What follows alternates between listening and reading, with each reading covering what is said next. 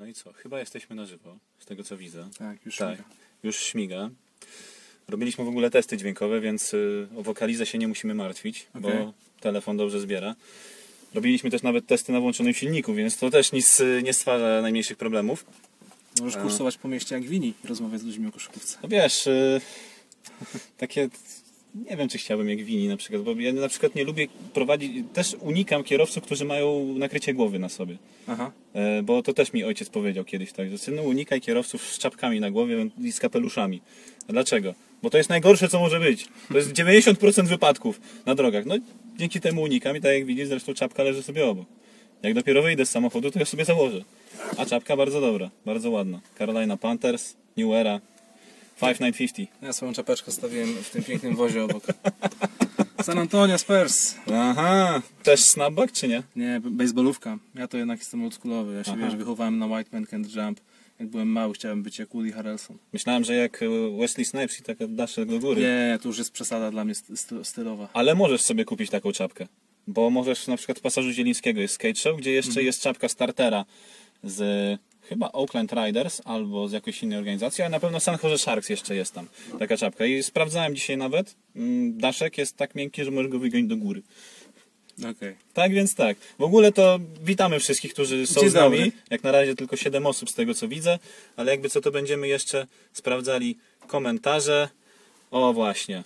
Witam serdecznie. Kif w końcu wszedł z Tak domu. jest. No właśnie. W końcu była okazja, ktoś mnie wyciągnął. Ile można siedzieć i montować filmy? No nie? właśnie, z tej strony tak w ogóle Bartek Misztal, hottake.pl, kto, kto, kto mnie kojarzy z y, Radia Gol, ten mnie kojarzy z Radia Gol. Y, Od czerwca hottake, y, no i zdarzyło się tak, że jestem we Wrocławiu, no i wypadałoby zaprosić jakiegoś ważnego gościa. No to ważnym gościem jesteś ty, Łukaszu. Łukasz Fonder, Dziękuję. kanał Keep the Beat. Cześć wszystkim, z tej strony Łukasz, prowadzę kanał Keep the Beat. Tak się stało. Da- Dawno nie miałem żadnych wywiadów, nie wiem jak się w takich sytuacjach e, tutaj zachowywać, zobaczymy jak wyjdzie. Mhm. Trzy miesiące siedziałem w domu, jedyny kontakt jaki miałem to kamera, jak robiłem filmy. Raz na dwa tygodnie, no ale robiłem. No mnie na, na kwarantannę nikt nie wysłał. Przymusową nawet. No. Inny, Wiesz, no, kraj. taka specyfika zawodu. Dlatego ja mogłem, w zasadzie musiałem pracować w momencie, kiedy inni siedzieli w domu, ale z reakcji ludzi wynikało, że to nie jest dobre tak siedzieć w domu. Bo człowiek się raz, że odzwyczaja, a dwa, że się pie piekielnie nudzi. Zwłaszcza jeżeli jest na przykład aktywny. Się. No ja jestem aktywny od października, bo wtedy zacząłem mocny plan zbijania wagi i trochę mi to zadziałało nie na rękę w momencie, kiedy mi zamknęli siłownie wszystkie. Mm. A w domu to jednak nie jest to samo. No, zwłaszcza jeżeli miałbyś uprawiać cardio. To niestety cardio w domu jest ciężko, jeżeli nie masz odpowiedniego sprzętu. No ja w ostatnie miesiące miałem program nabierania wagi. O, Też kupiłem, też cardio mam, kupiłem sobie rowerek stacjonar, stacjonarny do domu. Wiesz, ludzie szalają jak siedzą cały czas, nigdzie nie wychodzą. no to No ale to póki co takie, takie skuteczność taka 50-50 powiedziałbym. Rozumiem, rozumiem. Tak, wszystkich witamy. Jakby co, to możecie, nie wiem, przesyłać e, pytania, ewentualnie jakbyście mieli do mnie, czy do Łukasza, bardziej do Łukasza, myślę. E, w sumie to tak, nawet się ciebie nie zastanawiałem nad tym, dlaczego ty wybrałeś kierunek Wrocław? No bo wcześniej mieszkałeś w Krakowie, też nie wiem w sumie dlaczego, to chyba były studia, czy nie? Nie, ja studiowałem w Opolu. Aha, No, e, a uniwersytet. dlaczego później Kraków? No tak po prostu postanowiłem po skończeniu studiów, że muszę zabrać się w jedno z dwóch miejsc. Był to albo Kraków, albo Wrocław. No i jakoś tak po prostu wyszło metodą chybił trafił, wybrałem Kraków. W Krakowie żyłem przez jakieś 8 lat, aż w końcu też musiałem podjąć kilka istotnych decyzji. Stwierdziłem, że Wrocław to jest teraz właściwy moment na to, żeby przetestować Wrocław. No i mieszkam we Wrocławiu już blisko dwa lata i e, podoba mi się tutaj na tyle, że nie sądzę, żebym miał się już jeszcze gdzieś przenosić. A co ci się nie podoba we Wrocławiu, poza pogodą, Nie którą podoba? obecnie mamy? Wiesz co, szczerze mówiąc, nie mam tutaj na nic, nic do narzekania. No, na pogodę byś ponarzekał, no bo z tyłu za Ale nami jest akurat, boisko. akurat dzisiaj, wczoraj, bo ostatnie dni bardzo słoneczne. No to może zwalić na mnie, bo akurat wczoraj jechałem z dalekich Niderlandów akurat do Polski. Ale ja nie miałem problemu z przekroczeniem granicy. Dla wszystkich, którzy przekraczają granicę, taka informacja, że jak macie dokumenty, które są wymagane, to tylko was sprawdzą tam oczywiście na obecność tego wirusa, sprawdzą wam te dokumenty i możecie jechać, ile fabryka dała wam w samochodzie. Także to, to nie jest tak, że się stoi nie wiadomo ile. Co prawda, jakby wyremontowali odcinek autostrady za Olszyną, która jeszcze pamięta czasy II wojny światowej, te słynne płyty, po których trzeba od razu zajechać i sprawdzić, czy amortyzatory jeszcze są w ogóle w samochodzie, czy już nie odpadły, to pewnie droga do Wrocławia, droga zwłaszcza do południa, byłaby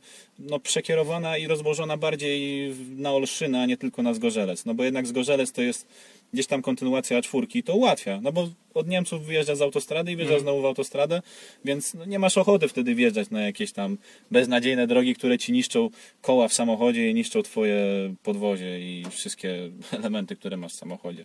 Więc y, przez Niemcy na przykład mi się bardzo dobrze jechało, chociaż było dużo robót drogowych, ale oni mają patenty na to i tam do 80 maksymalnie się jechało, więc Ordnung, Ordnung słynny akurat pomógł.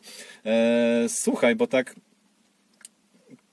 zacząłeś w sumie live'ami e, z tego, z, z grania. E, czy czym się mylę? Pierwsze twoje filmy, jakie wyszły na kanale, to były live'y z gier, czy, czy to było coś innego?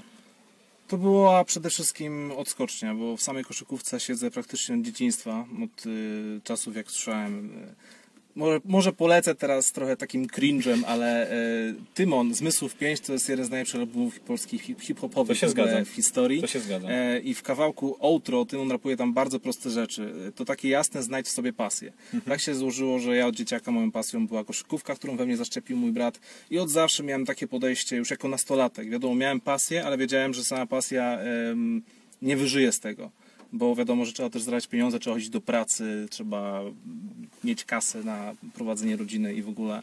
Więc po prostu robiłem wiele różnych rzeczy. Prowadziłem e, stronę o koszykówce ulicznej, speedballing.pl, później prowadziliśmy razem ze znajomymi e, ekipę robiącą pokazy koszykarskie, pokazy streetball.pl. Przez chwilę byłem też związany z MVP magazynem, kiedy papierowo jeszcze mm, był wydawany. Więc tak po prostu przeskakiwałem sobie przez różne te elementy koszykówki, aż w końcu e, przez jakieś 2-3 lata miałem taki lekki rozbrat, po czym e, stwierdziłem, że trochę mi tego brakuje, ale żeby jakby nie korzystać z tego, z czego tam byłem wcześniej tam kojarzony, z jakichś tam bardziej poważniejszych rzeczy, stwierdziłem, dobra, zrobię sobie jakiś backowy kanał o tym i o, o koszykówce, o NBA 2K, o NBA Live i będę sobie po prostu grał. A z faktu, że jestem już starym koniem, no to e, raczej nie będę mówił, że ja to ja, nie będę mówił nazwiska, ksywy, nie będę e, pokazywał twarzy.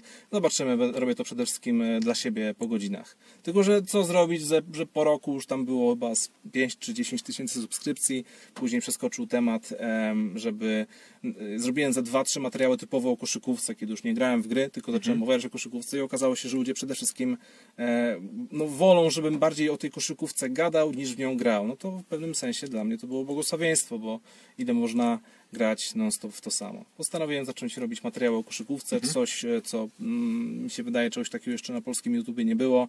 Em, zrobić coś w stylu właśnie takich mini filmów dokumentalnych, jak to robił e, za granicą, czy tam Bezos, Legend, Legend of Winning, czy Mike Korzemba. No i co, no cieszę się, że to się przyjęło, bo jednak robię to już blisko 3-4 lata. E, jest ok. A przed chwilą wleciał na kanał nowy materiał. Też możecie O, zobaczyć. to też możecie zobaczyć. Ja niestety nie mogłem obejrzeć, bo no wiesz, no, byłem w trasie. Także, także nie miałem jak nawet e, obejrzeć e, tego. Mówiłeś o baskecie, który to był zawładnął. No właśnie to na który rok możemy datować takie twoje wejście w basket? Bo u mnie to jest 95. No to ja niewiele później, e, ja też zacząłem dość wcześnie, może miałem z 8 albo 9 lat e, i po prostu w koszykówkę wciągnął mnie mój braciszek, starszy o 5 lat, który od zawsze był bardzo wyrośnięty, zawsze jednak ta koszykówka była numer jeden dla niego, e, uwielbiał, po prostu ubóstwiał Pennego Hardawaya, plakaty z Penem Hardawayem były wszędzie, no a z faktu ja byłem po prostu takim małym, grubym dzieckiem grającym na Pegasusie. No i mój brat miał tam też przez chwilę fazę na Andrea Gassiego nie? i wziął mnie z, z rakietą do tenisa e, gdzieś na, na, na boisko szkolne. Skończyło się na płaczu po kilkunastu minutach, bo za cholerę nie umiałem nawet trzymać tej rakiety, a co dopiero jeszcze odbijać piłeczką. No ale tydzień później spróbował jeszcze raz z koszykówką i no, kolejny frazes, to była miłość od pierwszego wejrzenia. Więc to był jakiś rok 90, może 6, 7, miałem, miałem 8 lat. No, to dosyć, dosyć wcześnie. No to u mnie jest 95, czyli ja miałem wtedy 6 lat. Dobra, niecałe 6 lat, bo akurat urodziny obchodzę w grudniu, a wtedy to było mecz pomiędzy Charlotte a Chicago. I wtedy mi brat pokazał, słuchaj, no tego, ten, ten łysy taki, na tego masz patrzeć. Charlotte Chicago w tym, z tym wielkim rzutem BJ Armstronga? Em, wiesz co, nie przypomnę sobie teraz, bo to jakoś, jakoś, jakoś tak na, na dwójce leciał wtedy ten mecz. No, pewnie w jakiejś retransmisji, no bo wtedy chyba telewizja polska nie miała w ogóle praw do tego. Mieli, oni wszystko z odtworzenia nadawali. Tak, ja czytałem kiedyś artykuł e, jeszcze właśnie w papierowym MVP magazynie. Pan Wojtek Michałowicz opowiadał, że te początki były naprawdę dzikie, bo to trzeba było ściągnąć kasetę VHS ze Stanów, gdzie ta kaseta potrafiła płynąć tydzień, dwa do Europy i dopiero wtedy włączali to w telewizji publicznej. No jeżeli chodzi o transport z Ameryki Północnej, to, to, to, to się myślę do Europy nadal nie zmieniło, bo nadal wysyłka jest dosyć długa. Mamy już pytanie od naszego redaktora hot take'owego, Wojtka Anyszka, które z tego, że on jest... y, On studiuje, studiuje filologię, y, więc y, pytanie dosyć literackie. Która z książek na twojej zacnej półce jest najciekawsza, albo była najciekawsza? Najciekawsza to według mnie no, definitywnie Dream Team. Mhm. E, strasznie mi się przyjemnie czytało tą pozycję. E, rozdziały odpowiedniej długości, masa ciekawostek, przede wszystkim dość bezpośredni język i bezpośrednie no, przedstawienie, jak to wszystko wyglądało, bez, żadnej, bez żadnego tam klosza, bez żadnej cenzury. Mnie książka numer jeden. E, wiem, wiem, że pewnie zasugerujesz The Breaks of the Game. Nie, no ja mam u siebie na półce. Ale jeszcze nie czytałem tej książki, więc ale wszyscy mówią, Masz do nadrobienia. że to jest pozycja numer jeden kiedykolwiek. No tak, więc to taka e, prawda. Być może to się zmieni, jak ją przeczytam. A jest jeszcze jedna książka, którą nawet sprawdzałem z Adamem, moim przyjacielem i kolegą podcastowym, jakby ktoś nie wiedział. Książka się nazywa Sacred Hoops i napisał ją kiedyś y, Terry Pluto. Nie, Loose Balls. Loose Balls. Mhm. Sacred Hoops to jest książka Phila Jacksona. E, nie wydana w języku E, polskim. Sex, secret czy sa- sacred? E, Sacred, czyli, okej. czyli no właśnie. Święte. Święte. Okej. A jest jeszcze The Last Season Phila Jacksona. Bo tylko jedna książka jest na razie przetłumaczona Phila The Jacksona. Last Season to jest ta wcześniejsza, Aha. co, w której narzeka na Kobiego. No powiedzmy, Okej. że tak troszkę, tak delikatnie, tylko, No. troszeczkę. Ale napisałem przez Terego Pluto ta Loose Balls i ona jest o ABA, wyobraź sobie. I ktoś, kto może nie znać ABA, a to może się wtedy zajarać. Myślę, że fani Indiany Pacers to jest książka kierowana do nich, bo przecież Indiana w czasach ABA to była wiodąca drużyna przecież w tej lidze, która osiągnęła wszystko. A od czasów jak przeszli do NBA, to osiągnęli tylko finał 2000. Po pięciu meczach, dziękujemy. Rick Smith pozdrawia. Swoją drogą Rick Smith miał w ogóle niedawno rocznicę rzutu tego przeciwko Orlando w serii w 20 w 95 w finałach konferencji, co rzucił w czwartym meczu game winnera. Tylko, że, że, że Rick Smith rzucił game winnera, to w ogóle e, wiesz, No to musiało, 2,24. musiało to umknąć. Ale wiesz, w tym, momencie, kiedy e, liga jest zawieszona i w zasadzie nie ma żadnych newsów o koszykówce, to faktycznie wszystkie te portale, e, blogi koszykarskie tylko retweetują informacje o tym, że no dzisiaj mamy rocznicę tego wydarzenia, które wydarzyło się 3, 5, 10, 20 lat temu. Bo to są jedyne newsy, z którymi możemy się teraz jarać, nie? No to tak samo jak jakieś o, osiągnął to, albo jest porównywany do tego, bo zdobył 1234 punkty, 228 asyst i ileś tam zbiórek miał. Dla mnie to jest żadna statystyka. No tak. Ja już to mówiłem kiedyś, że to można się tym pochwalić, nie wiem, jak się kolegów zaprosi do mieszkania. Wiecie, że miałem taką statystykę? No, to jest taka mniej więcej. O, Wojtek nam napisał, że doskonale zna ten odcinek za Olszyną. Szyja boli z tydzień po, po takiej jeździe tam. Także jak ktoś jeszcze nie zaznał tego, tej nieprzyjemności, bo to nie jest żadna, nie jest jakakolwiek przyjemność, to, to myślę, że... A zresztą nie, nie jedźcie tamtędy. Jedźcie przez Gorzelec. Nie, nie ma co się bawić to.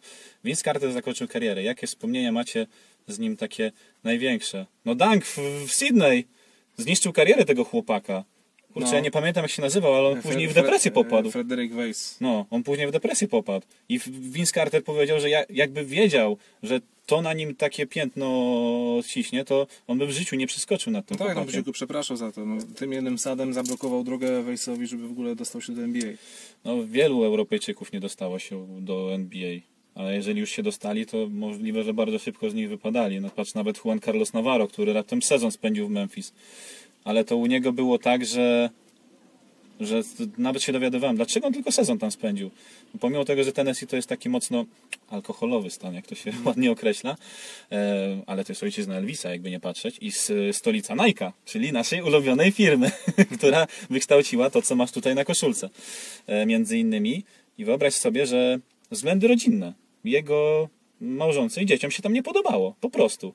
I też była bariera językowa, no bo jak on był całe życie związany z Hiszpanią, no to jemu ciężko się było przestawić na język angielski, więc po sezonie stwierdził, że wraca do Barcelony.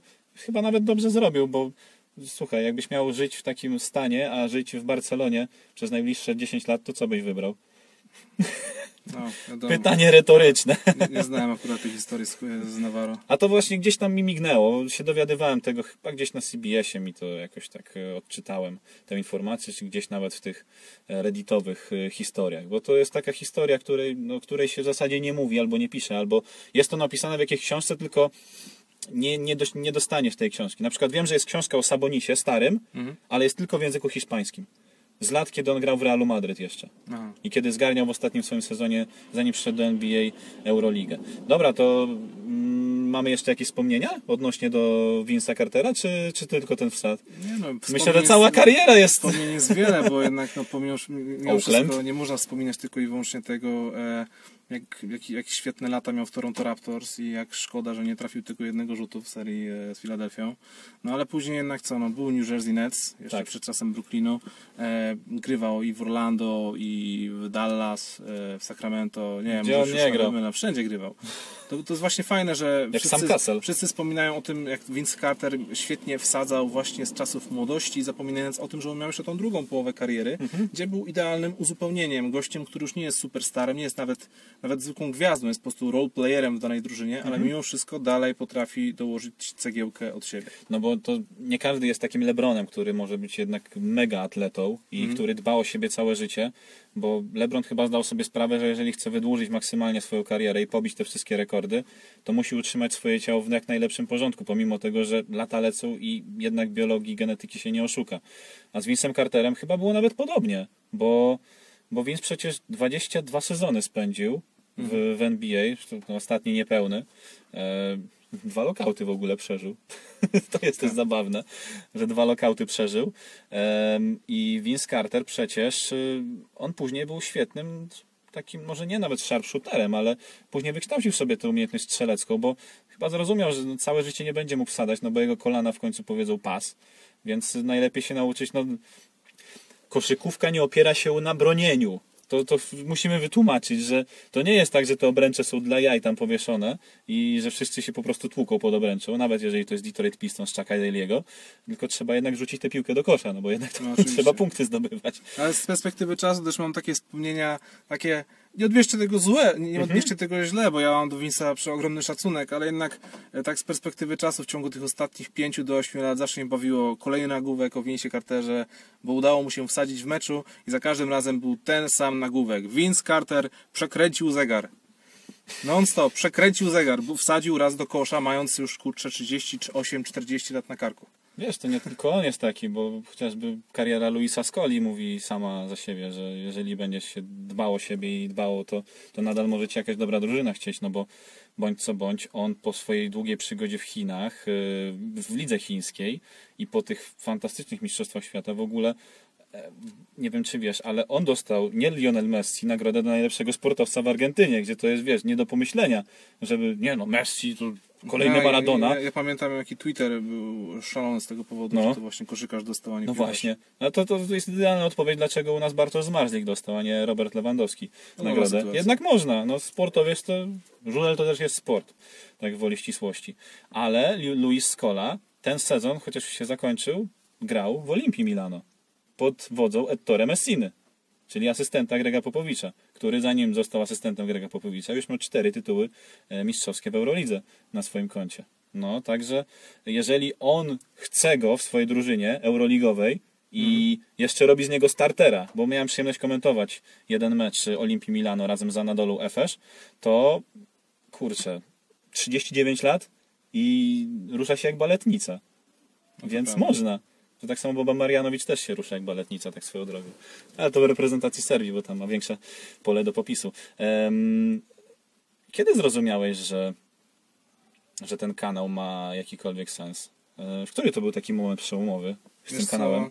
Nie pamiętam, bo już y, między, między 2017 a 2018 e, zawsze mi się te dwa lata ze sobą mylą. Mhm. Em, ale miałem taki moment, kiedy zacząłem nagrywać pierwsze materiały typowo o koszykówce e, w którym zacząłem przedstawiać swój własny punkt widzenia, poprzedzony jakimś researchem, a nie tylko, że sobie tam gram w, w, gry, e, dotarło do mnie, że no to, to nie będzie poważne, to nie, to nie będzie w porządku, to nie będzie, e, to nie będzie takie nie wiem, ludzie tego nie potraktują poważnie, dopóki e, nie wyjdę oficjalnie jako ja, jako Łukasz Szwonder, jako osoba, która ma twarz, jako osoba, która e, nie śmieszkuje cały czas, tylko stara się przekazać jakieś informacje, które przekazać, stara się przekazać jakieś, wiesz, emocje, historie z tym wszystkim, no bo nie ukrywajmy, koszykówka, wiadomo, że fajnie jest wiedzieć, kto, co kto wygrał, co ile osiągnął, ale przede wszystkim koszykówkę pamiętamy głównie ze względu na emocje, które nam po- poda- podarowała podczas oglądania danych spotkań. Fajnie jest móc zapamiętać, nie wiem, to, że LeBron James miał 51 punktów w pierwszym meczu finału w 2018, no ale jednak to jest taka to jest smutna rzecz, e, gdy sobie przypominam o tym, co wydarzyło się, pó- wydarzyło się później, co zrobił J.R. Smith, ale gdy mamy w głowie tą myśl na przykład bloku na Andrzej Godali, no to przede wszystkim ten blok nam siedzi w głowie. No tak. Nie, że sta- nie statystyki, jak, jakie tam były. Nawet można nie pamiętać, jak dokładnie się te finały zakończyły. Chociaż może w tym przypadku nie pamiętają, no bo 3 do 1. No, ale po prostu chodzi mi o to, że zawsze te emocje są e, numerem, jeden- numerem jeden w koszykówce. Nie wiem, zgubiłem wątek, od czego zacząłem.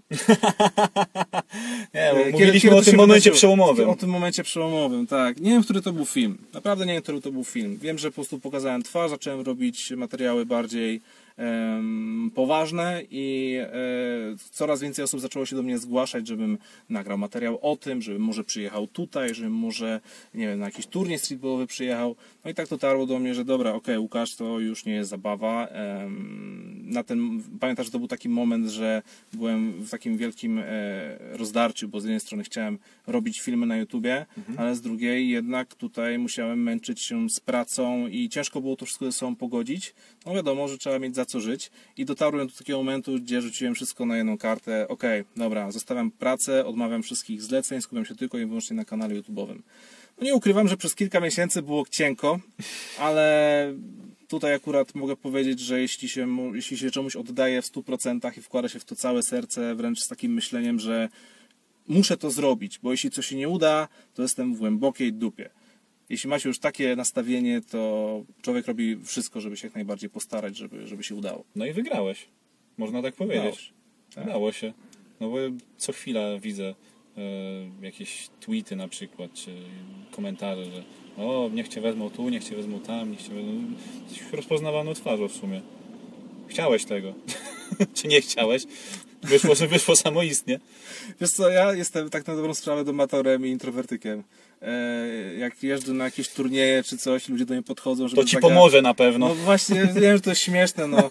Ale widzisz, bo YouTube jest takim śmiesznym medium, bo możesz być introwertykiem, możesz mieć problem z wychodzeniem do ludzi publicznie, ale wiesz, jak jesteś w swoim pokoju, masz przed sobą kamerę, to luz, możesz sobie nagrywać, możesz robić streama, na którym oglądacie 1500 osób, luz, możesz, nie ma z tym naj, najmniejszego problemu, ale e, jak jedziesz później na jakieś wydarzenie, będąc introwertykiem i nagle tabun ludzi przychodzi, to już jest, to już są kwestie, nad którymi trzeba trochę popr- popracować. A nie masz wrażenia takiego, że twój kanał bardzo pchnął do przodu moment, w którym zaprosiłeś Bartosza?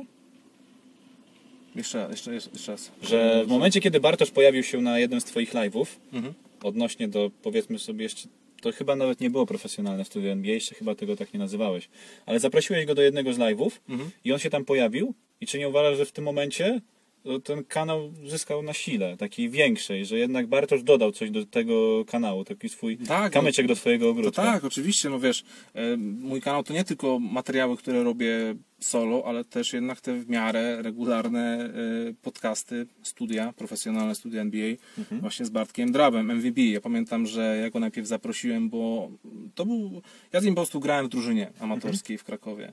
E, strasznie lubiliśmy rozmawiać o koszykówce, zawsze wracaliśmy jedną furą, e, bo mieszkaliśmy blisko, blisko siebie e, i zawsze mieliśmy takie dosadne, głębokie rozmowy o koszykówce, aż w końcu go namówiłem, dobra, przyjedź do mnie, zrobimy studio, e, będziemy przez półtorej godziny gadać o koszykówce na żywo, zobaczymy jak się przyjmie. No i przyjęło się za pierwszym, drugim, trzecim razem, aż w końcu stwierdziliśmy, że to musi być e, stałe, że musimy, musimy to robić cały czas, bo jednak jesteśmy dość różnymi ludźmi i kiedy nasze y, punkty widzenia się ze sobą spotykają, to często do- dochodzi do różnych takich, e, no, że tak powiem, śmiesznych sytuacji. Widać było ludzie, ludzie lubią, ludzie lubią to oglądać, lubią, lubią, lubią słuchać, kiedy tak dwie osoby się ze sobą kłócą.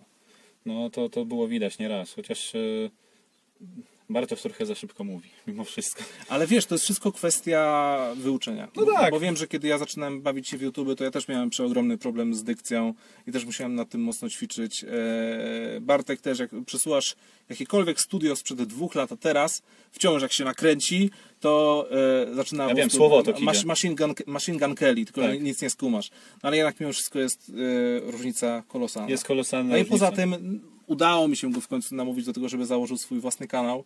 E, zrobił kilka materiałów, ale ostatnio jakoś przestał i, i, i go cisnę za każdym razem, jak już się dzwaniamy. Bo śpi może, dlatego.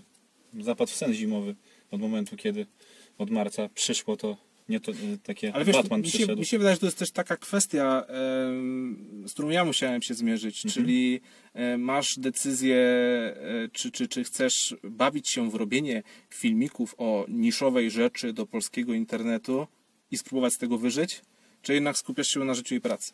Znaczy taka niszowa obecnie? No, jest bardzo niszowa.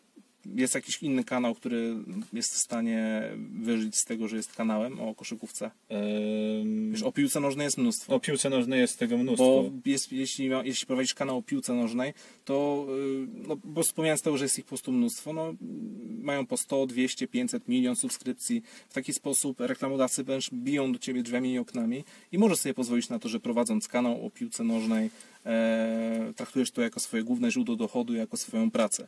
Z koszykówką jest trudniej. Mhm. Jest bardzo trudno pozyskać e, odbiorców, jest bardzo trudno po prostu dotrzeć do ludzi. A jakbyś tak na poziom międzynarodowy wszedł z tym, to musiałbyś chyba robić napisy do swoich filmów. E, Robiłem napisy do ostatniego materiału, przedostatniego materiału. The Last e, Dance, 11, 11 Tak, i odcinek. tutaj pozdrawiam Fabiana Lesnera, który właśnie przygotował specjalnie, specjalnie dla mnie te napisy. Wrzuciliśmy ten materiał w ogóle na Reddita i e, jakieś 4-5 tysięcy osób według statystyk na YouTube'a ze Stanów to obejrzało. Więc wydaje mi się, że to jest dobry, dobry, dobry wynik i nikt tam raczej nie pisał negatywnych rzeczy, więc też spoko.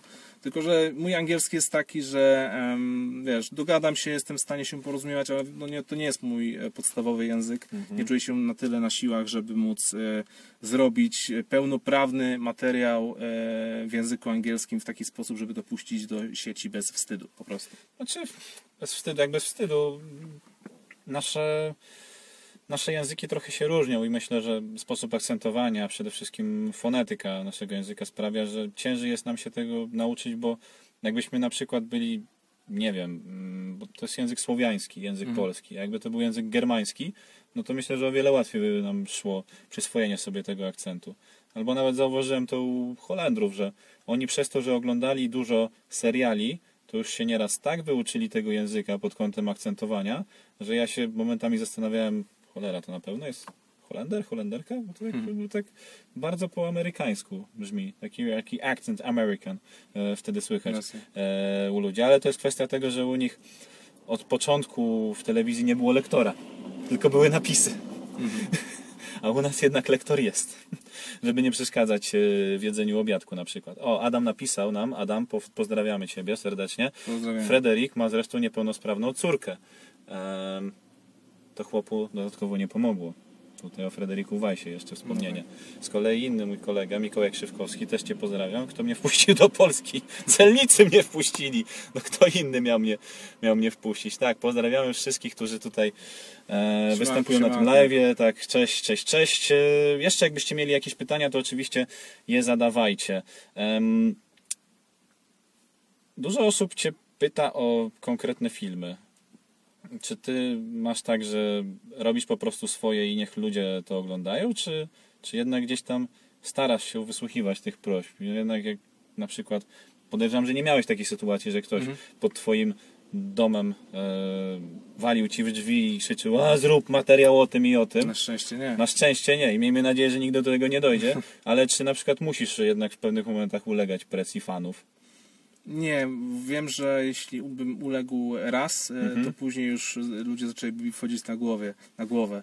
E, Z całym szacunkiem oczywiście do wszystkich, bo wiadomo, że materiały robię dla was, ale e, zawsze wybór tematu, to w jaki sposób materiał ma wyglądać, jak będzie wyglądać ostatecznie, to jest tylko i wyłącznie moja wizja i moje chęci. Przez chwilę miałem na moim Patronite taki próg, że można było jakby wiesz, wykupić i e, poprosić o przygotowanie specjalnego materiału, tylko że to się nie do końca sprawdzało, bo ja po prostu nie potrafię zrobić materiału e, tak specjalnie na zawołanie, bo to jest jednak, wiesz, kiedy mimo wszystko prowadzi cię, strasznie nie lubię tego słowa, bo ma takie pejoratywne znaczenie, pasja. Pasja? Wiesz, pasja, że jest Aha. takie natchnione, ale też, że to jest taki To balonik, że to, że, to, że to jest taki balonik, który bardzo łatwo potrafi pęknąć. Nie? Mhm. Chodzi mi tylko po prostu o to, że jeśli e, kieruje tobą właśnie ta pasja, jak już to w ten sposób nazwiemy, to e, no, ciężko się przekonać do tego, że słuchasz się tego, co inni, czego, co inni od ciebie oczekują.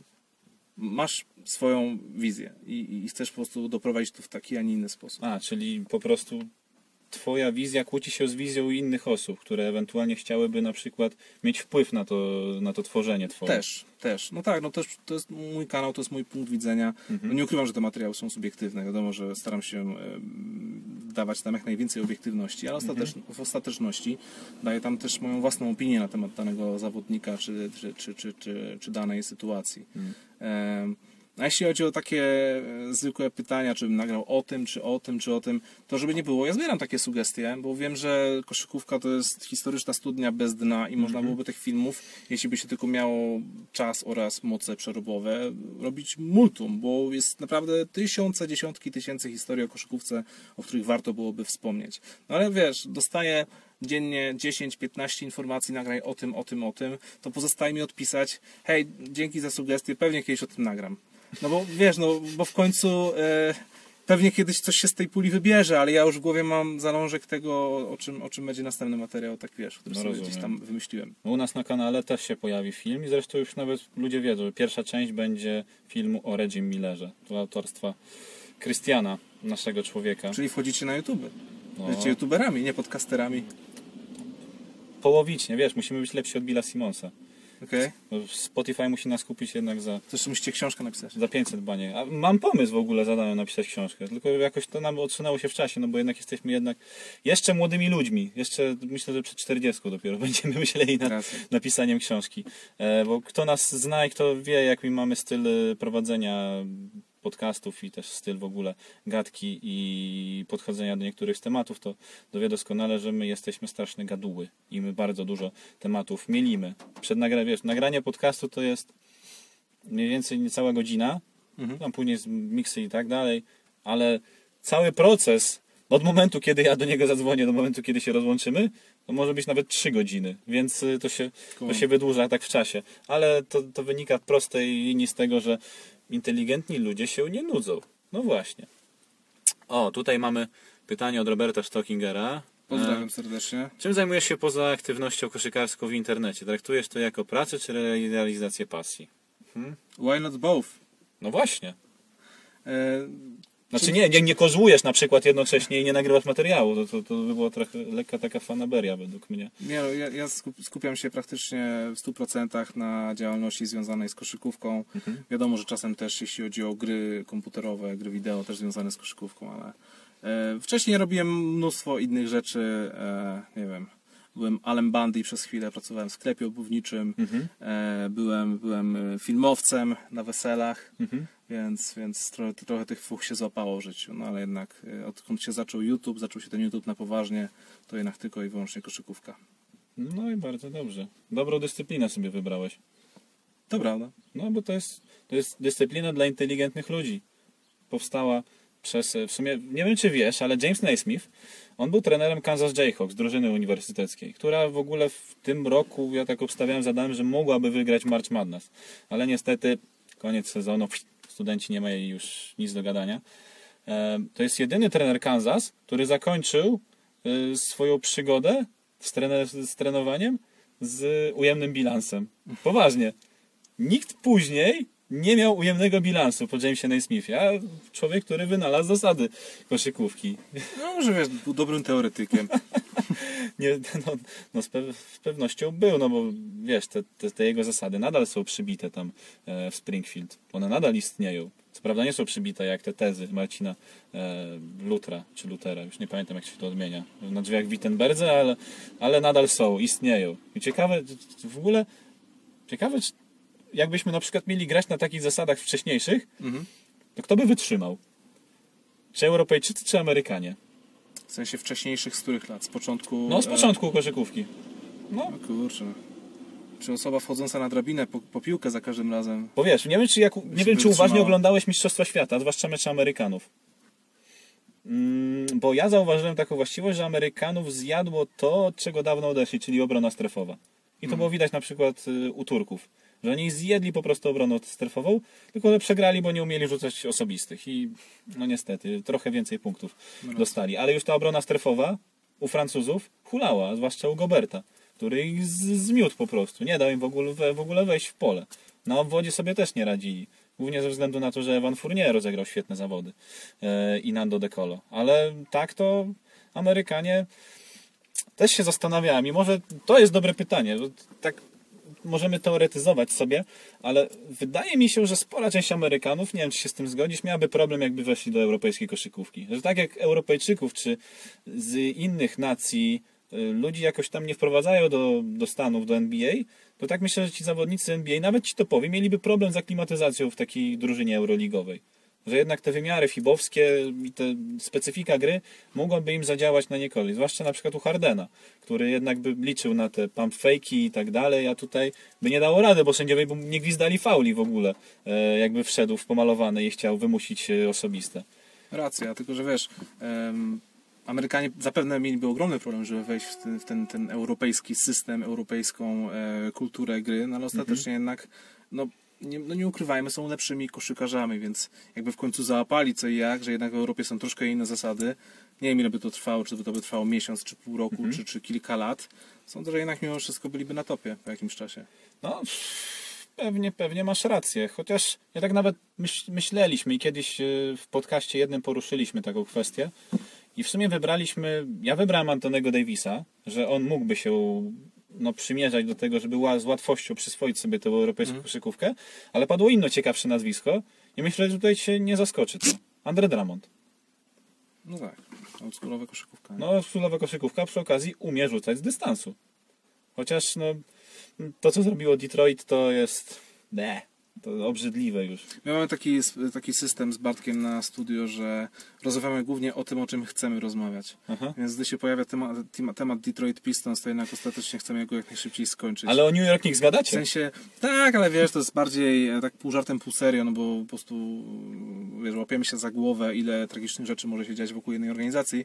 Może nadal. E, No ale wiesz, po prostu tak w pewnym momencie, w pewnym momencie do nas dotarło, że e, ja mam ogromny szacunek do dziennikarzy, którzy tak naprawdę świadomie, w 100% e, z ogromnym zaangażowaniem śledzą wszystko to, co dzieje się w NBA.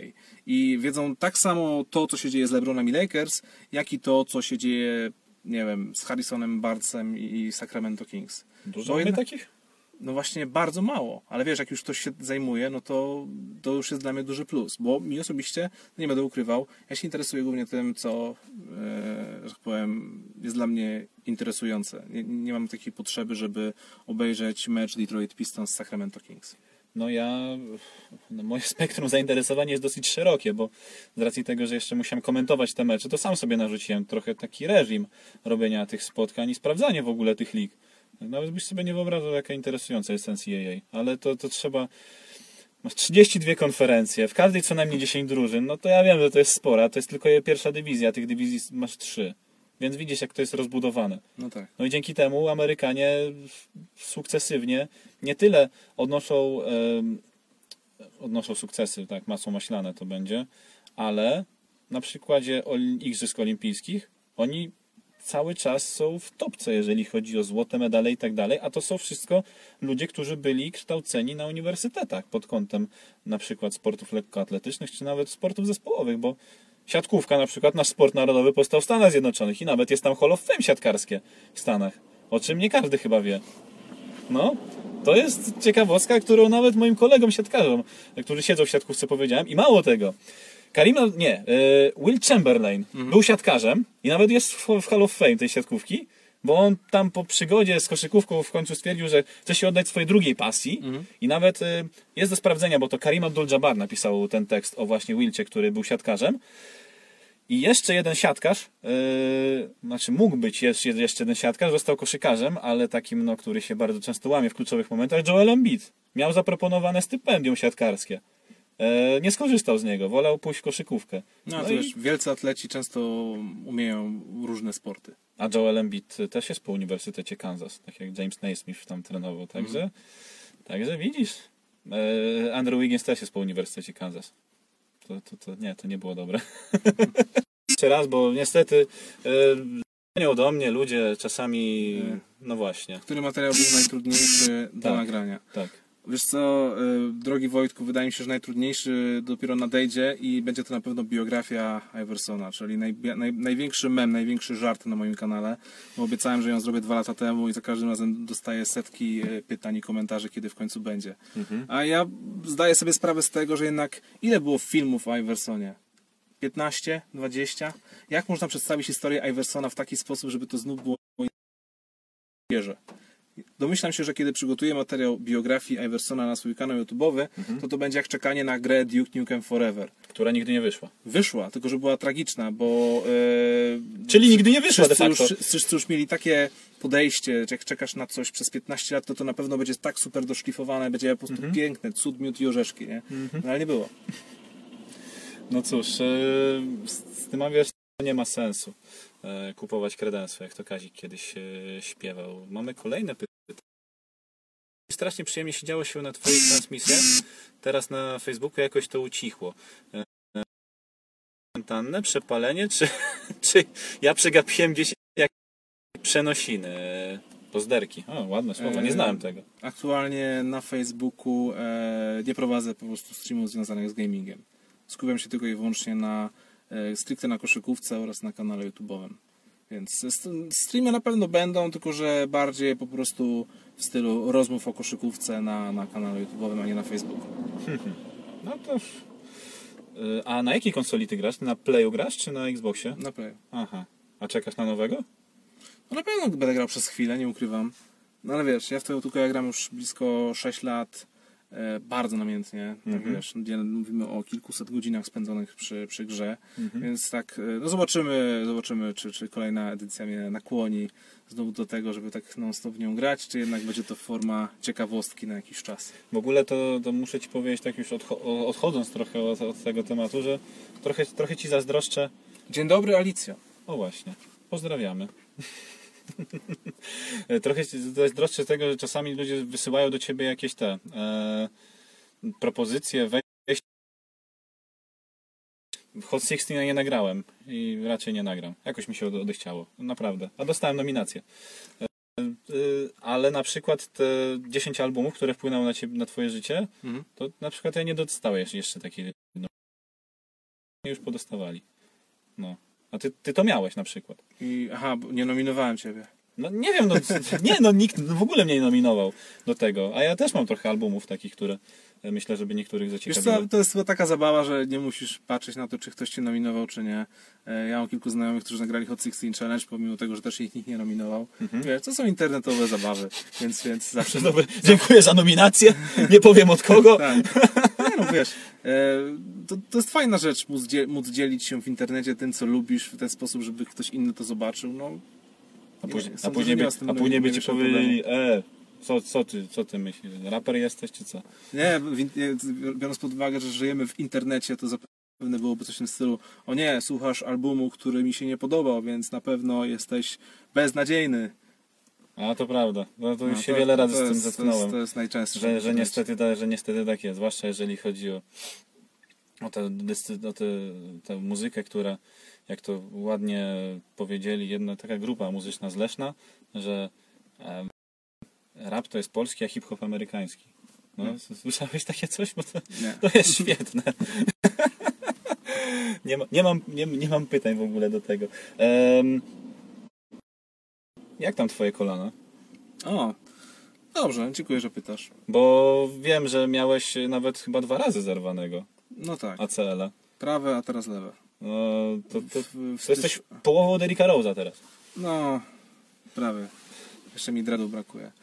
E, nie, no jest, jest okej. No, nie ukrywam, że też ta moja rehabilitacja była dość konkretna e, do momentu rozpoczęcia, jednak mimo wszystko tej całej pandemii, no później ta cała fizjoterapia i w ogóle musiała trochę odejść na bok.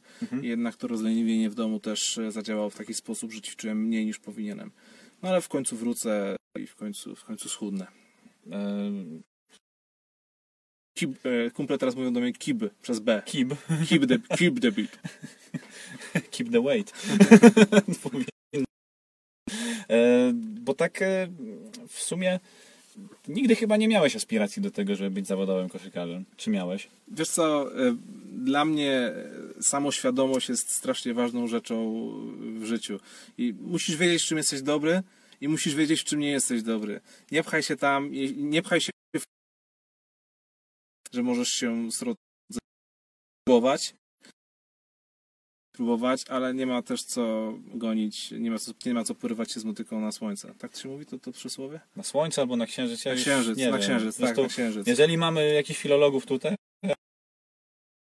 niech nam powie. Wiesz, ja grałem w koszykówkę, znaczy gram dalej, wiadomo, teraz nie, no bo ta kontuzja, ale e, miałem bardzo długi etap jeżdżenia na turnieje streetballowe. Praktycznie jak był sezon letni, to odwiedzaliśmy z, z drużyną z 10-15 turniejów w całej Polsce. Później jak się przeprowadziłem do Krakowa, to przez blisko 5 lat grałem w lidze amatorskiej, więc też dwa razy w tygodniu treningi, mecze. To, to jest takie zabawne, kiedy o tym pomyślisz w ten sposób, że o, liga amatorska, chłopaki się spotykają, grają w koszykówkę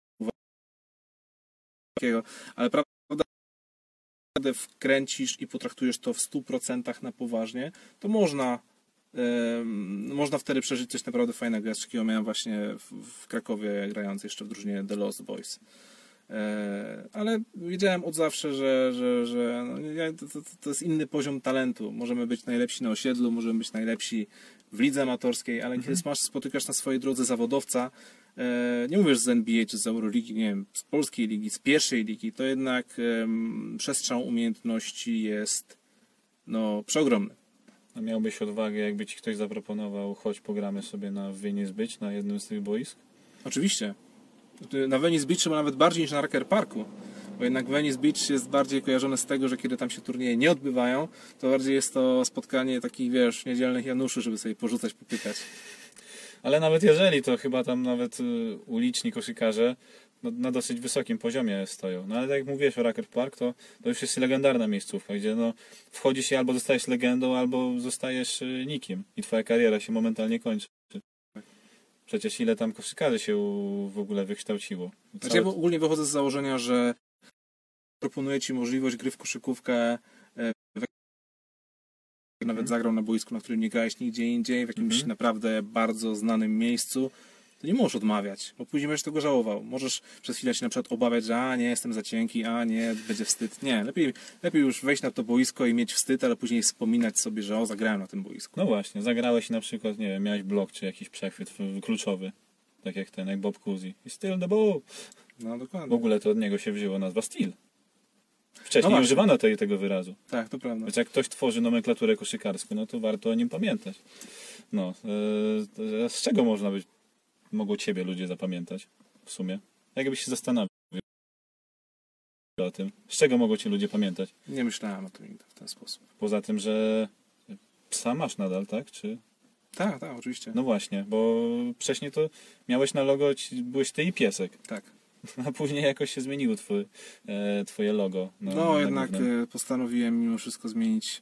To były dwie kwestie. Z jednej niektórzy mogą się śmiać, Mhm. e, druga była podyktowana tym, że po prostu chciałem bardziej działać pod sobą, a nie pod jakimś wykreowanym, pod jakąś wykreowaną kreskówkową postacią.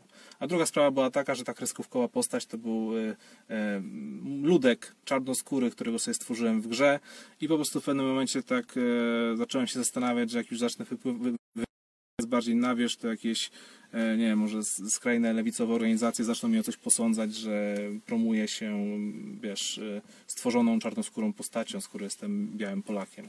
Może to jest trochę nadgorliwość z mojej strony, ale wiadomo, żyjemy w szalonych czasach, prawda? No, no, no, miejmy nadzieję, że nikt takiego czegoś nie, nie wpadł. W ogóle tu pani prowadza psa na spacer. No to Piękny jest. Bardzo ładny pies. Swoją drogą. Sprawdzimy, czy jeszcze jakieś pytania mamy. Um, Więzadło krzyżowe, panie redaktorze. Tak, tak, tak. Ty to zawsze, Adam, jesteś... Tak, też cię lubię, Adam. Zwłaszcza jak mnie poprawiasz. Chociaż nie bądźmy tacy polonistyczni w tej kwestii. Powiem Ci, że ja dostaję pod każdym materiałem e, tonę komentarzy albo moje błędy językowe, albo e, nazwisko, więc Ile razy mi się to mi się zdarzyło? wydaje, że to jest błądzenie z rzeczą ludzką. Tylko te osoby, które, e, które, mm, które nic nie robią, to nigdy nie popełniają błędów. No to prawda. A zresztą w języku polskim jest tak, że ty nie możesz być y, hiperpoprawny, bo to jest samo w sobie błędem. I to ci każdy profesor filologii powie, żebyś ty popełniał jednak błędy. Mówił po swojemu. Bo jeżeli będziesz hiperpoprawny, to cię do niczego nie zaprowadzi. I to jest podstawowy błąd, o którym, którego uczą na filologii. Adam, potwierdź. jeżeli, się, jeżeli się mylimy. Ale myślę, że myślę, że się nie mylimy w tej kwestii. Jakbyś tak miał wybrać sobie. No tak, masz brata. Mm. No takie pytanie dziwne trochę, ale czy wyobrażasz sobie robienie coś innego obecnie poza tym, co robisz obecnie? Nie, no na pewno tak. Wiesz, y, z wykształcenia No właśnie, z kim jesteś z wykształcenia? E, Z wykształcenia jestem e, socjologiem i co jak, Ładnie. jeśli można się, e, jeśli można się zastanowić nad tym, co socjologia mnie nauczyła, to na pewno tego, że nie da się wszystkiego wartościować zero-jedynkowo, że można jedynie coś analizować i starać się to zrozumieć. Ale też mówię ci, no, zajmowałem się wieloma rzeczami w przeszłości. Od zawsze byłem związany z dziedziną, z dziedziną filmową.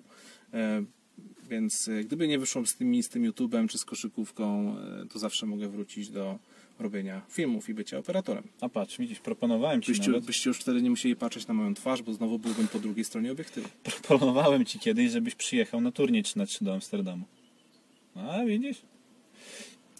Ja czułem, że to może być wielkie wydarzenie, a tutaj wszyscy mówili, że nie, nie, nie.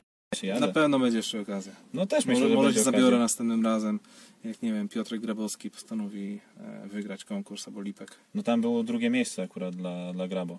Tak, ja oglądałem ten konkurs na żywo i pamiętam jak wszyscy się rzucali na jednego z jury. Na, stale na bieżąco dawał Piotrkowi dziewiątki. Tak, tak. Yy, Tak, ja, tak to wyglądało to tak, jakby naprawdę nie chciał, jakby, nie wiem, to był, to był Dwayne Wade z Amsterdamu, nie? no ja byłem na tej trybunie, z której chłopaki później pomagali mu robić ten szpal... Nie, to nie był szpaler. To był przeszkodę, nad którą musiał przeskoczyć, czyli ten Mike Hicks i tak dalej. Taki e, czarnoskóry, który też tam wszystkich zaganiał w zasadzie Mhm. na trybunach, żeby tego krzyczeli, że o, fajne wsady. To ja później pomyślałem sobie, a będę lepszy. I wszystkie te teksty Kennego Smitha z tego 2000 e, dawałem, czyli It's over na przykład, albo Let's go home Tak. po, po wsadach grabo. Bo to też jest dyscyplina, na której trzeba się znać. Bo jeżeli człowiek się nie zna, to może mieć wrażenie, że kogoś tutaj oszukują i często może, mogą tutaj wejść e, w ruch. Miejmy nadzieję, że nigdy tak nie było, ale podejrzewam, że mogło tak kiedyś wystąpić, na przykład w jakichś starszych e, konkursach e, pięści. Bo na przykład w breakdance'ie jest tak, że no faktycznie musisz się na tym znać. Że ludzie się dziwią, że na przykład ktoś, kto robi poprawnie coś, Mhm. jest lepszy od tego, który na przykład, nie wiem, macha piłami tarczowymi, e, od razu żongluje sobie i robi fikołki na głowie. Że to dla nich nie jest nic nadzwyczajnego, a człowiek, który robi poprawnie dane figury, jest lepszy od, od takiego e, wyróżniającego się, powiedzmy, na pierwszym planie człowieka. To myślę, że tutaj też e, to ma znaczenie, że, że jednak tak jak Aaron Gordon Mhm. powielił już wsady, które wykonał wcześniej, które my wszyscy znaliśmy. I myślę, że dlatego w tym ostatnim konkursie mu też nie wyszło. Ale ten spin z łapaniem piłki, ten yy, chyba na 360 zrobił w To był powietrzu. ten od, z narzutem od kantu jeszcze? O tym, o tym wsadzie mówisz? Yy, co musiał obrócić się w powietrzu Tak. i złapać piłkę w powietrzu. Yy, to było coś, czego ja w, ogóle, znaczy widziałem tak, to próbę było- u to Lipka, było jak, on, jak on chciał to zrobić w Amsterdamie, ale, ale Aaron Gordon to było jedyne świeże, co tam widziałem, bo tak to no przykro mi fani Arona Gordona, ale no wydaje mi się, że tutaj jednak coś nie zagrało, A zwycięzca, którym był Derrick Jones Jr. Tak. wtedy, no właśnie, on wykonywał wszystkie swoje wsady poprawnie. Tak samo za Klawin, z tego co pamiętam, w 2016. e, Też wykonywał wszystkie swoje wsady poprawnie. I mało tego, za Klawin był 10 cm niższy od Arona Gordona, to, co też mu trochę utrudniało sprawę, myślę. No, trochę tak, trochę nie, no bo jednak jeśli masz niższego dunkera, to automatycznie jego wsady wyglądają w oczach jury bardziej atrakcyjnie. W ogóle jeśli chodzi o całą tą sztukę e, dunkingu, Mhm. ja też wielokrotnie prowadziłem rozmowy z osobami, które właśnie tym zajmują. Um, Grabo, Lipek. E, To jest akurat dość ciężki temat, bo nie ma tutaj systemu, który byłby w stanie ocenić rzetelnie, kto jaki wsad wykonuje. To jest y, jedna wielka składowa stylu, wyskoku, mocy, finezji w powietrzu, ale ostatecznie nota zawsze jest dawana przez pryzmat wiesz, efektu. Jest, nie, ma, nie ma jakiegoś równania matematycznego, który byłby w stanie ocenić, że ten młynek jest gorszy od tego wsadu 360 na przykład. Nie no, to jest po prostu ten był lepszy, ten był gorszy. Nikt jeszcze nie wpadł na pomysł, żeby y, usystematyzować to i dawać punkty za konkretne figury. W ogóle też dunkerzy, to może ma niewiele osób o tym wie, ale oni pod względem siłowym to są mega wyćwiczeni ludzie. Czy jak ja widziałem filmiki, jak Grabo robi przysiad ze 140 kg na plecach, no to niektó- nie, niektórych os niektóre osoby to by połamało od razu. A on robi nie dość, że pełny przysiad, czyli nie tak jak większość osób, które widzę na siłowni, e, to jeszcze wstaje z tymi 140 kg, a on waży na pewno mniej niż, ta sztanga z tymi wszystkimi e, tarczami. Tak więc można się złapać za głowę, ale to wszystko po to, żeby ten wertykal mu funkcjonował poprawnie. No i też trzymanie się, zbilansowana dieta, to wszystko. Nie każdy może być zawodowym dunkerem. I paradoksalnie, jak się wszystkim wydaje. Oni mają tak w porywach do mojego, twojego wzrostu. Nie są spe- specjalnie wysocy. Nie są dwumetrowe chłopy. No nie, Hasbe z mojego wzrostu, ale No właśnie. kosmiczne rzeczy. No właśnie. Um, no, to z sympatii już nie filozofujmy. Dobra. I hiperpoprawność to też jest błąd. Adam potwierdził. E, mamy pytanie. E, jakiego mikrofonu używasz? Nowoc NC1. I to jest mikrofon pojemnościowy. Tak, mikrofon pojemnościowy. I szczerze mówiąc, ja tego mikrofonu używam od blisko 3 lat. E, Jest to naprawdę jeden z tych najbardziej podstawowych, typowo youtuberskich mikrofonów. Można go dorwać chyba za dwie stówy, więc nie jest to jakiś super pro sprzęt. A interfejsu jakiego używam? Jakiegoś Behringera? W sensie chodzi mi o ten o wzmacniacz. Czy nie posiadasz nie wzmacniacza? Nie Nie, używasz? Nie, nie. A to widzisz, a ja używam na przykład. Ktoś mi polecił. Używam Behringera UMC22. To jest typowy wzmacniacz taki podstawowy, który używa się w polskim radiu na przykład. Więc jakby ktoś, jakby ktoś chciał, to polecam. Zresztą jego można do walucie europejskiej, w granicach 40 euro. Więc nie jest to też jakaś droga e, impreza. Chociaż ja się przymierzam akurat do mikrofonu firmy Rode, ale to już trzeba wydać no, do 1000 zł. To już No, jest poważny. już. To już jest ciężki dla, dla portfela e, wydatek. O właśnie. Nowok zawsze na propsie. Czyli Hmm. widzisz, polecasz dobre sprzęty, my też polecamy dobre sprzęty. No właśnie. A jakbyś tak miał... Mm, bo obstawiam, że jeżeli chodzi o, o basket, też jednak jakichś swoich ulubieńców takich, no mówisz o nich też y, na swoim kanale, ale dobra, zakładając, że mamy tę dziesiątkę, powiedzmy. Dziesiątka twoich ulubionych, ulubionych albumów muzycznych, tak? Tak, to powiedzmy, że dziesiątkę takich twoich ulubionych koszykarzy i nie muszą być to koszykarze z NBA. Wiesz co, wrócił tutaj Kawhi Leonarda, Andre Millera, Jeden, drugi, e, Kobiego Bryanta, Trzeci. Lebrona Jamesa, czwarty, Michaela Jordana, piąty, Bobana Marianowicza, szósty, e, Pawła Szwondera, siódmy, em, Jasona Williamsa, ósmy, Johna Stocktona. dziewiąty, no i jeden ci został. Kogo by to dorzucić jako taką wisienkę na torcie? A dajmy tutaj może Lukę Doncicie. Dycha. Świeży temat, ale przyjemnie się go ogląda w akcji. Słuchaj, Przyszły. Na pewno. On będzie przyszłym gołtem. To, to jest ciekawostka, bo Adam wypatrzył go jeszcze jak on był małym knypkiem, bo Adam jest fanem Realu Madryt, nie tylko tego piłkarskiego, ale też tego koszykarskiego. I on już wtedy, jak on był, no, nie- niedużym jeszcze, wiesz, dzieciakiem w zasadzie. On już widział, mówił wszystkim, że zobaczycie, on będzie wielką osobą. Wszyscy się śmiali, patrzyli na jego spolitowanie. Serio? Ten, ten...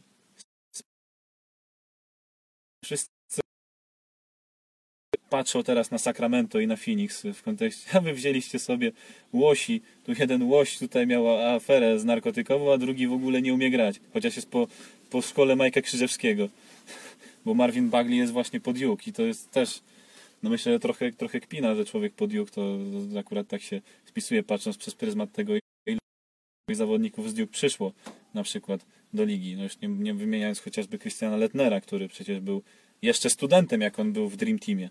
No, no a tutaj taka, taka historia. A, a ten, a jak on się to Arizonę.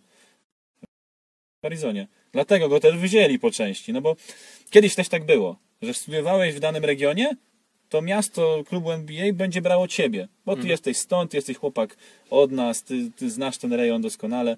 Dlatego na przykład Hakim Olajuwon poszedł w drafcie do Houston Rockets, no bo on był po Uniwersytecie Houston.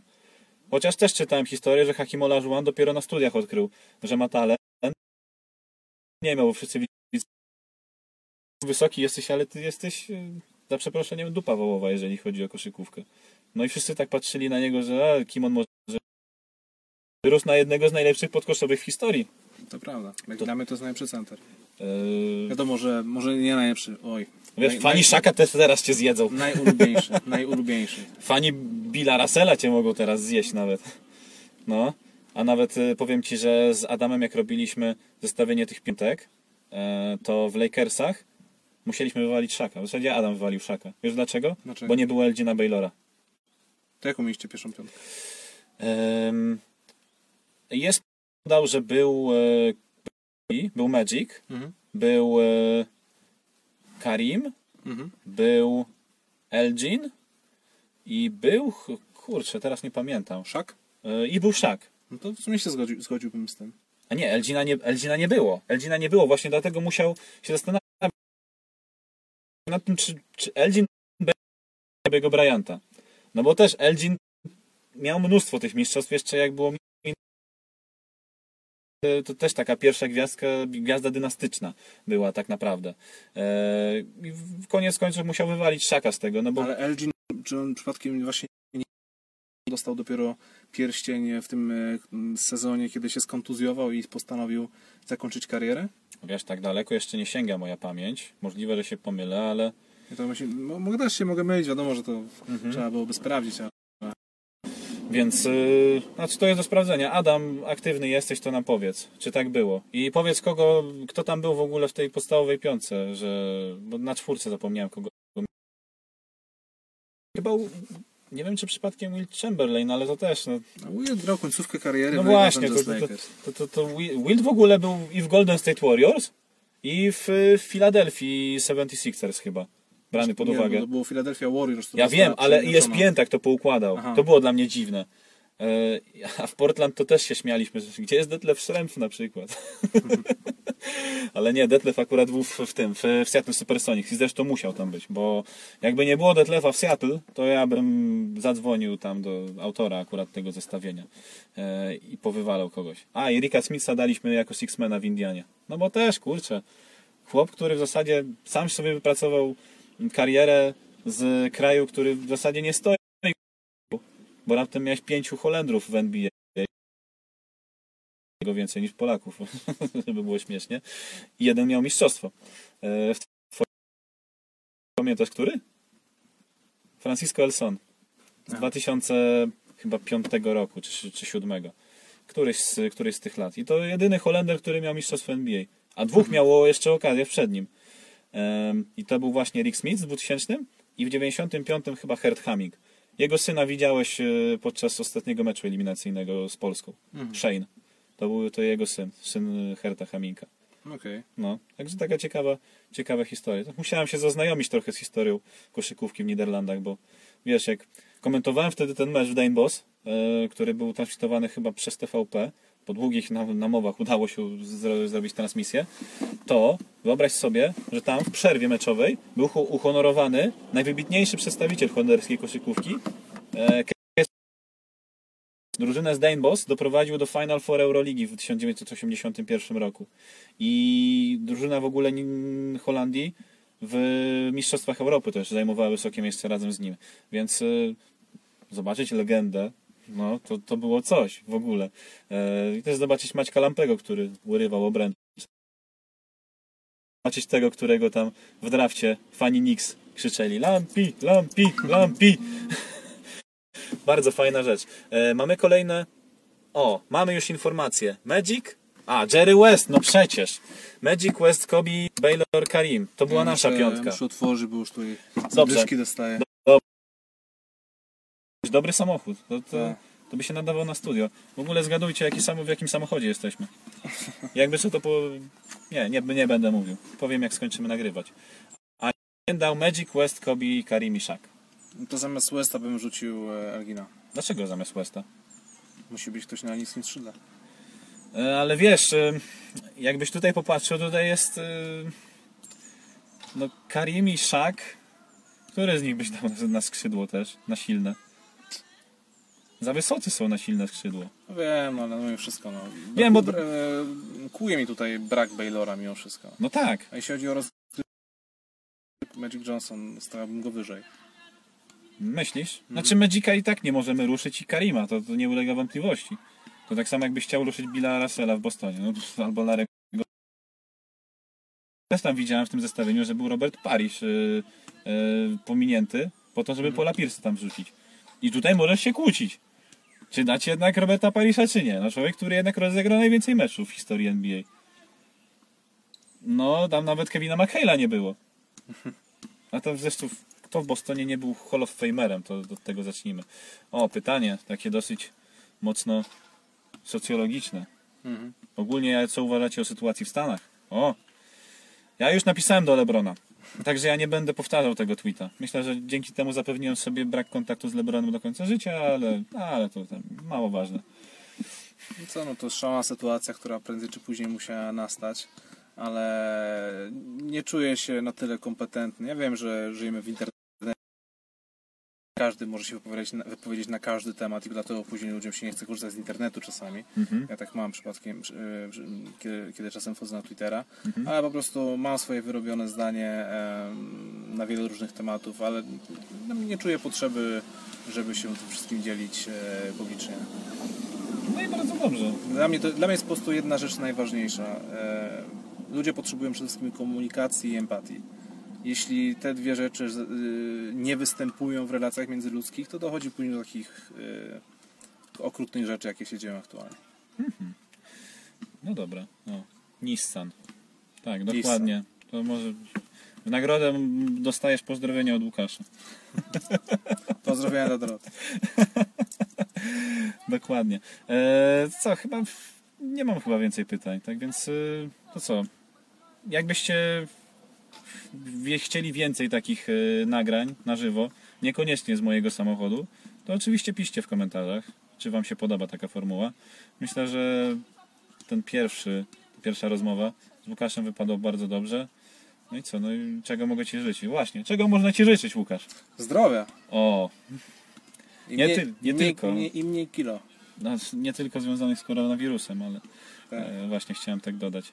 Ja Tobie życzę również wszystkiego najlepszego. A dziękuję bardzo. I wszystkim oglądającym, którzy do- dotrwali do tego momentu i tym, którzy wyłączyli wcześniej, Mhm. też życzę wszystkiego najlepszego. E, Mamy pomysł, jak to rozpromować dalej, więc e, czekajcie cierpliwie, e, drodzy widzowie, słuchacze. Czy tego słuchacie, włączyliście ekran, bo na przykład nie możecie na nas patrzeć, albo chcecie sobie popatrzeć. E, To już zależy wszystko Czy ty specjalnie czekałeś ze swoim takim twarzowym coming outem na rozmowę ze mną? Bo ty wcześniej chyba nie miałeś okazji robić podcastu e, Powiem ci, że- z wizją. Internet ma takie zapisy. Jestem Redaktorem naczelnym w Mhm. mnie na kanale. W ogóle YouTube mi nie, znaczy przepraszam, Facebook mi niedawno przypomniał o tym, rocznicy tego wydarzenia. Szczęściowe jest. Piłkarskim. No, piłkarskim. Nawróciłeś się. Nie, wtedy to było. Znaczy wtedy to było, wtedy to byłem pił bardziej into football. Przepraszam, soccer. No, futbol to jest wiadomo, w Ameryce. Ale byłem into soccer i odwiedziało mi się w zeszłym roku. Więc y, teraz już tylko Ameryka, jeżeli chodzi o sporty. I to wszystkie y, sporty. Bo nawet w podcaście, nowym naszym podcaście Granice Sportu poruszamy z Adamem zagadnienia takie ogólnoamerykańskie, ale nie tylko, bo będziemy też dodawali tam rzeczy związane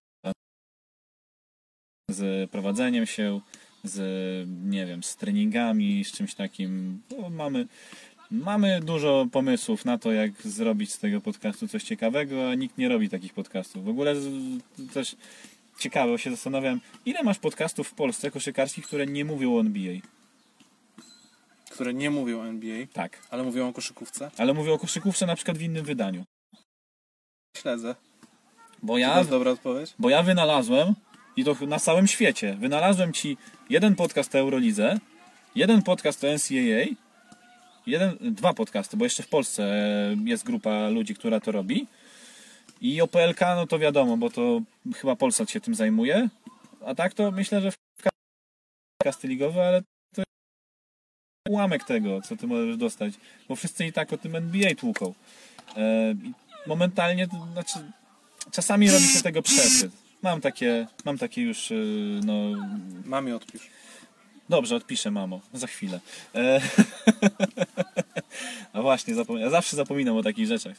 No. Nie zgadujcie, e, o co mi chodzi. Bo, mm, bo no właśnie, z, z tymi podcastami koszykarskimi jest właśnie tak, że niestety za dużo osób chce na siłę, tak, y, ma, takie mam wrażenie, o tym NBA mówić, a nie każdy, nie każdy mm, albo ma smykałkę do tego, albo nie każdy rozumie też ten basket, no bo to też trzeba rozumieć jednak, nie wiem czy się zgodzisz z tym, bo po, po, po tym mundialu w Chinach, zwłaszcza po meczu z Chinami, narosło strasznie dużo takiej agresji w kierunku reprezentacji Chin i w kierunku sędziów, którzy teoretycznie nam podcinali nogi strasznie, żebyśmy jak najbardziej tylko byli y, pomiatani w tym meczu z Chinami.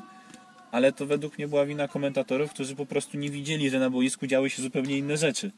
No tak, no, bra- zabrakło jakiejkolwiek obiektywności w, tym komentarzu. A jednak koszykówka nie jest tak prostym do zrozumienia sportem jak chociażby piłka nożna, gdzie no jednak ty musisz wierzyć temu, co ci mówi komentator.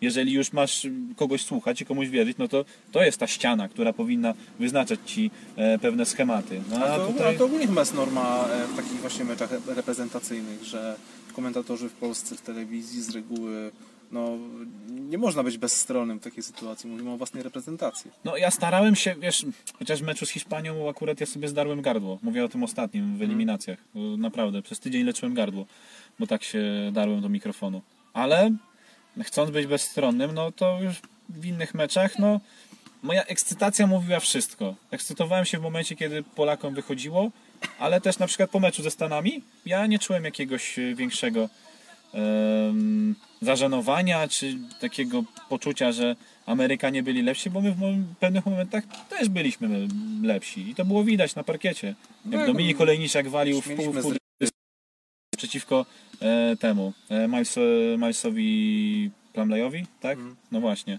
Masonowi Plumleyowi.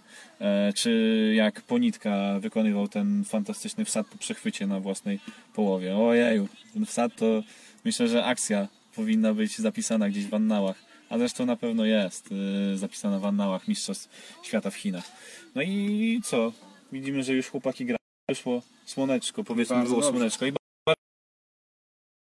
Słuchajcie sporty, bo sport to zdrowie. To, to nie jest e, tylko frazes, który gdzieś tam krążył w, w czasach, kiedy byliśmy mali, tylko to jest prawda. Sport to zdrowie w jakimkolwiek wydaniu.